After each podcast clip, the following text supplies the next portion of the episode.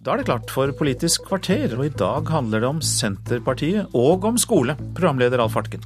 Ja, for NHO vil ha yrkesfaglærerne ut i bedriftene for å bli bedre lærere, og de får full støtte fra LO. Vi spør kunnskapsministeren hvordan han skal få flere til å fullføre utdanningen. Og i dag legges altså Senterpartiets interne rapport fram med flengende kritikk mot partiledelsen.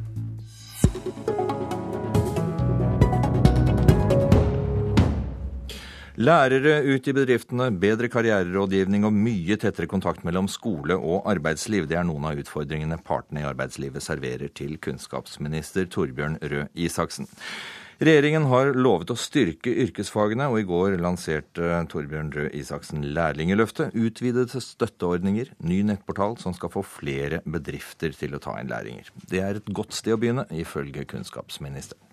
Det første vi kan gjøre, det er å sørge for at eh, flere får lærlingplass. Eh, nå er det 6000 elever i året som ikke får lærlingeplass. Vi vet at mange av de faller fra.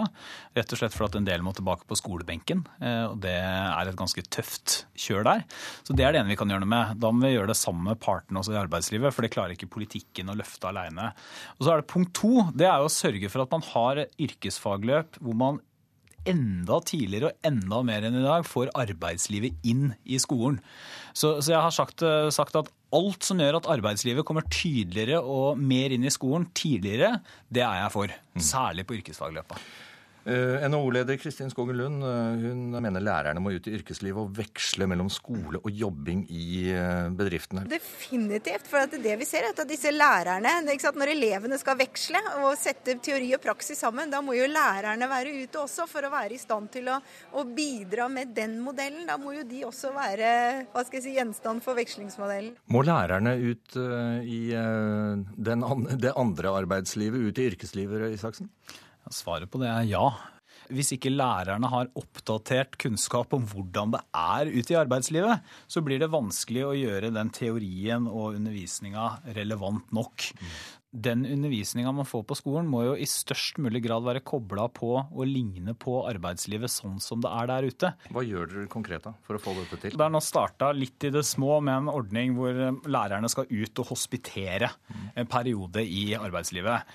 Eh, vi har styrka den med noen millioner neste år. Det kommer vi til å fortsette med, eh, for det fungerer bra. Og så er vi åpne for at det kan komme andre gode innspill også på hvordan vi skal gjøre det. Men jeg tror hele nøkkelen er altså koble arbeidslivet tett på, og så rett og slett betale lærerne da. Gi dem en liten sabbatsperiode hvor de skal ut i arbeidslivet, vekk fra skolen, og så komme tilbake til skolen med den kunnskapen. Mm. Er yrkesfagene blitt for teoretiske? Ja.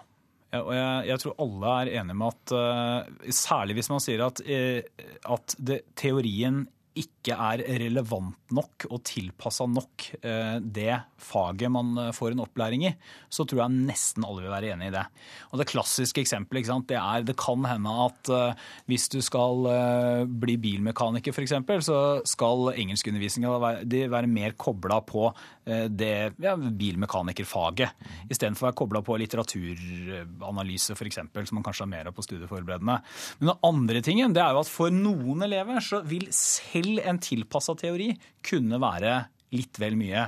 Så det å forsøke, det NHO-lederen nevnte, er jo det som heter vekslingsmodeller. Altså det mm. betyr at i perioder så er du ute i arbeidslivet tidlig på i skoleløpet, og så har du noen dager med skole. Og det har vist seg veldig vellykka der man har forsøkt det. Og det er, den type ting er jeg veldig sterk tilhenger av. Samtidig, jo mer yrkesretta du gjør den teoretiske delen av utdanningen, jo vanskeligere gjør det da for elever som eventuelt ønsker å skifte over til annen uh, utdanning. Dette er 16-åringer som regel, uh, som ikke alltid veit veit hva de vil. Eh, hvordan skal du unngå å stenge døra for dem? Det, det, er den balansegangen vi må foreta. Altså En del velger å ha to år på skole og så et påbyggingsår, og så gå over til høyere, søker seg over til høyere utdanning. Du har jo også muligheten til å gjøre det etter at du har tatt et uh, fagbrev. Og Litt av problemet det er at, eh, det er at hvis, du, hvis, du, har for lite teori, så er det helt riktig som du sier, da vil det være vanskelig for folk å kunne søke seg videre til høyere utdanning. Noen har da foreslått eh, at man skal gi en generell adgang til høyere utdanning hvis du har tatt fagbrev. Det er ikke denne regjeringa tilhenger av. Eh, vi mener at det vil skape for store forskjeller i utgangspunktet elevene har når de går over til høyere utdanning. Men nøkkelen er jo å klare å få folk gjennom påbyggingsåret. Og så, må også 16-åringer tenke gjennom hva de ønsker å gjøre. På eh, pressekonferansen din i går om lærlingløftet lærlingeløftet, så var også LO-leder Gerd Kristiansen. Hun gir full støtte til at lærerne må ut i yrkeslivet, men har noen flere utfordringer. Det første det er å klare å forhindre frafall i videregående skole. Eh, det andre er å øke statusen på yrkesfagene. Det tredje er det må være læreplasser til alle. Det må vi finne ut av. Eh, og det fjerde det er det å sørge for at voksne som ikke har videregående skole, også kan eh, få et fagbrev i hånden. Til det første, eh, den største utfordringen som står først på LO-lederens liste, i Saksen. Hvordan få ned frafallet? Mm. Det er det, det, det, Dette starter jo, tror jeg, mye før videregående skole. Eh, vi fikk akkurat disse PISA-tallene, altså en stor internasjonal undersøkelse. og Den viste at nesten én av fire elever på, i åttende klasse i Norge ligger på kritisk nivå i matematikk. Så det, at, eh, det å løfte de grunnleggende, helt grunnleggende kunnskapene og ferdighetene i skolen, det er det første stedet å starte. Og så tror jeg det andre stedet, det andre stedet vi må gjøre mer, det er å mer individuell tilpasning. Og da mener jeg ikke bare det som politikere har snakka om i mange år, om at undervisninga må være mer individuelt tilpassa. Men la oss se på det. For noen, noen vil starte på yrkesfag og ha som mål at man skal bli ingeniør eller, eh, eller noe, altså ta høyere utdanning etterpå. Noen vil starte på yrkesfag og ha som mål å få et fagbrev. Vi trenger fagarbeidere i Norge. Vi kommer til å ha manko på gode fagarbeidere i 2030, så det må vi snakke opp. Og så, så er det noen som, som, kanskje er så teoritrøtte, men også har så dårlige forutsetninger i utgangspunktet at det vil være vanskelig å komme gjennom selv et mer tilpassa teoriløp. Da syns jeg vi skal se på hvordan kan vi da få lage et løp som gjør at de kan få en dokumentasjon på det de har, altså komme seg ut i arbeidslivet. At vi ikke sender dem til Nav-kontoret, men får de inn i arbeidslivet tidlig. Kanskje kombinert med noe skolegang. Det er jo også en, en type kultur, altså en større sånn kulturdiskusjon. Da. Vi, vi brukte i Norge veldig mange år på å snakke opp alt som het lang utdannelse, og indirekte også snakke ned fagbrev og fagkompetanse.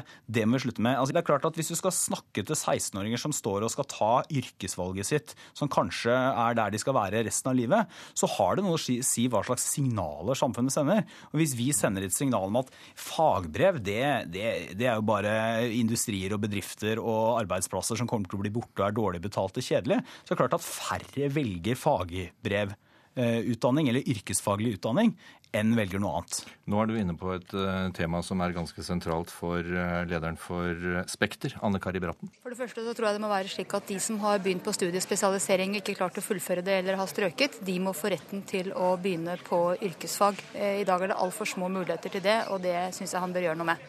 Det andre er at det er en tendens til eh, akademisering i samfunnet. Eh, det er eh, ikke slik at alle trenger å bli mastere. Og for å få gjort noe med det, så tror jeg det er helt avgjørende viktig at rådgivningstjenesten både i ungdomsskolen og i videregående skole styrkes. I dag er det stort sett lærere som driver med rådgivning, det er vel og bra, men vi bør ha mer arbeidslivsorientering inn i den rådgivningen. Vi ber ungdommen velge utdanning i en periode i livet hvor de er forholdsvis gjørska med hensyn til hva de skal bli.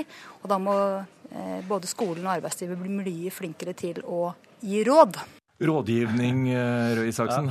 16-åringer skal ta noen veldig viktige valg. Det du skisserer her, det høres ut som en ganske kompliserte og ganske kompliserte utdanningsløp, mm. egentlig. Eh, danskene f.eks. har jo rådgivningskontorer eh, land og strand rundt om karriereveiledning. Må man ha noe sånt da, for å hjelpe 16-åringen til å finne veien i dette her? Jeg tror, jeg tror løsninga er rådgivningstjenesten i skolen. Men, men, jeg er helt enig i at det, det, det å være rådgiver i skolen kan ikke bare være noe man gjør Eh, nærmest på de timene man er ekstra. Altså Det forutsetter også at man setter seg inn i Forutsetter tett kontakt med arbeidsmarkedet, god kjennskap til utdanningssystemet, god kjennskap til lokalområdet sitt, hva slags arbeidskraft er det som trengs. Ehm, så mener jeg at på sikt, nå vil kanskje Spekter si at dette er en form for akademisering, da, men jeg mener at på sikt så må jo målet være at man skal ha en, en egen utdannelse, en mastergradsutdannelse, f.eks. i rådgivning. Vi starter nå veldig, veldig smått med eh, med en liten bevilgning for å starte opp det. Men målet må være at du har rådgivere som ikke bare er altså Må gjerne være lærer, men du må også være en, først og fremst en god fagrådgiver. Så mener jeg det er en veldig god idé fra Spekter, jeg har ikke tenkt på den før faktisk, men at det kan hende at flere av de som ikke finner seg til rette på høyere utdanningsinstitusjonene, skal få en mulighet til å ta et yrkesfaglig løp isteden. Skal være helt ærlig, så var dette, dette var et helt nytt forslag for meg, så jeg, det syns det hørtes veldig spennende ut. Så jeg må få, få, tenke litt på det og sjekke det litt opp. Det får du begynne med etter nyttår, da, kanskje? Ja, blir, ja, jeg har noen dager hjem til jul, da, så jeg rekker å jobbe litt før det. Så langt eh, kunnskapsminister Torbjørn Røe Isaksen. En annen som heller ikke kan ta juleferie ennå, er Senterpartileder Liv Signe Navarsete. For i dag kommer Senterpartiet til å offentliggjøre og kommentere den interne rapporten som retter kraftig kritikk mot partiledelsen etter det dårlige valgresultatet i høst. Blant annet blir partilederen kritisert for dårlige forberedelser og svak innsats i TV-debattene. Eh, Magnus Takvam, politisk kommentator her i NRK. Senterpartiledelsen har ikke villet komme hit til Politisk kvarter i dag, men eh, de kommer til å møte kritikerne senere i dag. Hvor krass er denne rapporten egentlig? Den er veldig krass, og eh, noen som har lest den, som jeg har snakket med, kaller den drepende. Eh, det oppsiktsvekkende er selvfølgelig at man i et relativt stort parti eksponerer en betydelig grad av mistillit og store problemer internt mellom selve toppledelsen i partiet og da, eh, som det er kommet fram, peker på at det er en av de viktigste årsakene til at partiet har slitt, også i eh, denne valgkampen. Eh, når det gjelder Liv Signe Navarsetes spesifikke ansvar mm. her, og, og, og, så, så, er det i stor grad eh, knyttet til medieopptredener i valgkampen, der hun har blir kritisert for å ikke gjøre en god nok figur, eh, ha såkalt høye skuldre osv. Mm. Men som kollektiv får ledelsen knallhard eh, kritikk. Men du snakker om konfliktene i ledelsen. Går rapporten noe mer inn, inn på det? Altså, hva, hvilke konflikter handler dette egentlig om?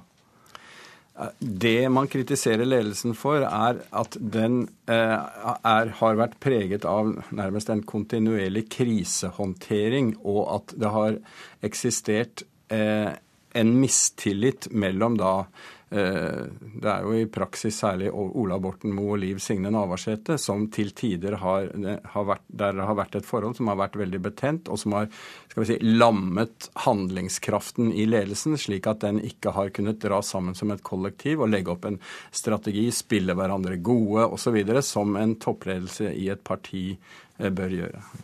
At en sånn rapport som dette lekkes eh, såpass mye på, på forhånd, det er jo ganske spesielt. Hva sier, hva sier det egentlig om både, både, klima og hvilke konflikter som eh, ligger der?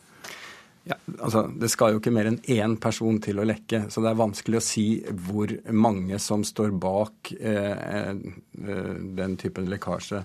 Men det har jo også kommet fram at en del av, de som, del av dem som, som eh, ikke er så kritiske overfor Liv Signe Navarsete, ser et mønster i lekkasjene og for så vidt kampanjene i forkant av dette som en, som en kampanje rettet mot Liv Signe Navarsete sånn som det framstår.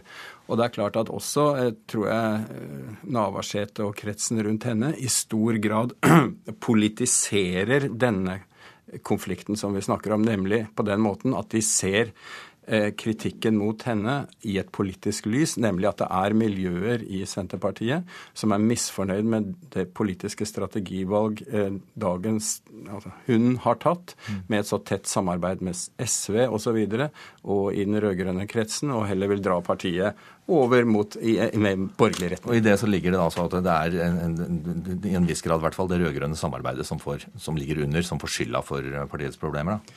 Altså, I denne rapporten spesifikt så, så sies det at i store deler av Senterpartiet så er det misnøye med et for tett samarbeid med SV helt spesifikt. Altså at det er samarbeidet med SV, som jo er historisk for Senterpartiet i denne rød-grønne alliansen, blir pekt ut som på en måte det problematiske. Men man, samtidig sier man ikke eh, På en måte gir man ikke det rød-grønne regjeringssamarbeidet skylda for problemene. Så det er en slags type dobbeltkommunikasjon her.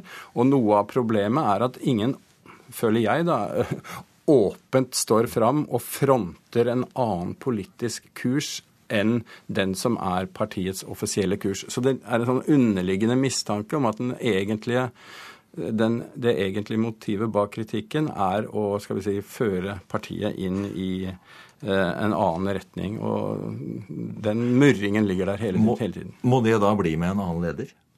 Blir dette, er dette en lederjakt i partiet i realiteten?